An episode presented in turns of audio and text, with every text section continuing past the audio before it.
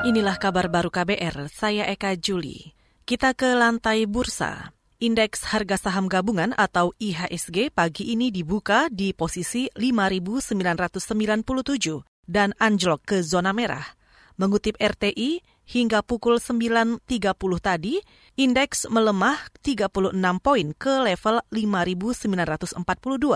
Mayoritas saham dibuka melemah di perdagangan hari pertama 2021. Di sisi lain, sebagian bursa di Asia menguat, kecuali Nikkei Jepang yang melemah tipis 0,4 persen. Sementara itu mata uang rupiah menguat 0,92 persen dan diperdagangkan tembus di bawah 14 ribu. Mengutip RTI, pagi ini rupiah diperdagangkan di angka 13.891 per 1 dolar Amerika Serikat. Saudara Kementerian Kesehatan memperkirakan vaksinasi COVID-19 membutuhkan waktu sekitar 15 bulan. Juru bicara Kementerian Kesehatan Siti Nadia Tarmizi mengatakan vaksinasi itu akan menyasar 181,5 juta populasi di 34 provinsi.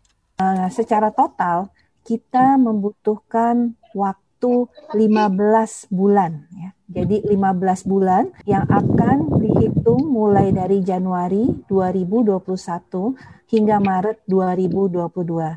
Jadi ini adalah waktu 15 bulan pelaksanaan vaksinasi yang akan kita lakukan secara bertahap.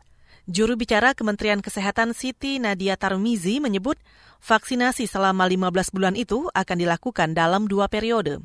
Periode pertama pada Januari hingga April tahun ini akan memprioritaskan 1,3 juta tenaga kesehatan dan 17,4 juta petugas pelayanan publik.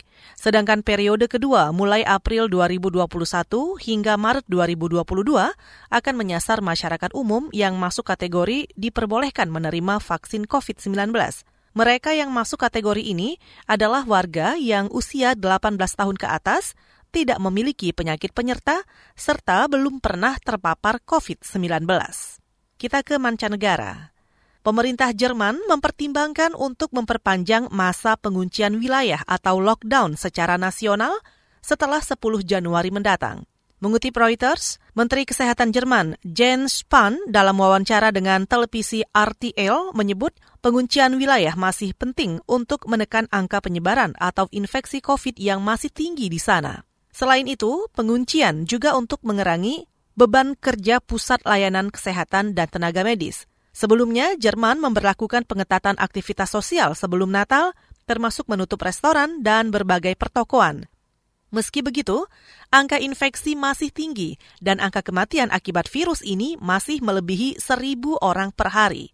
Reuters memberitakan pemerintah 16 negara bagian di Jerman setuju dengan rencana perpanjangan penguncian wilayah atau pembatasan wilayah. Namun, durasi perpanjangan masih menjadi perdebatan. Saudara demikian kabar baru, saya Eka Juli.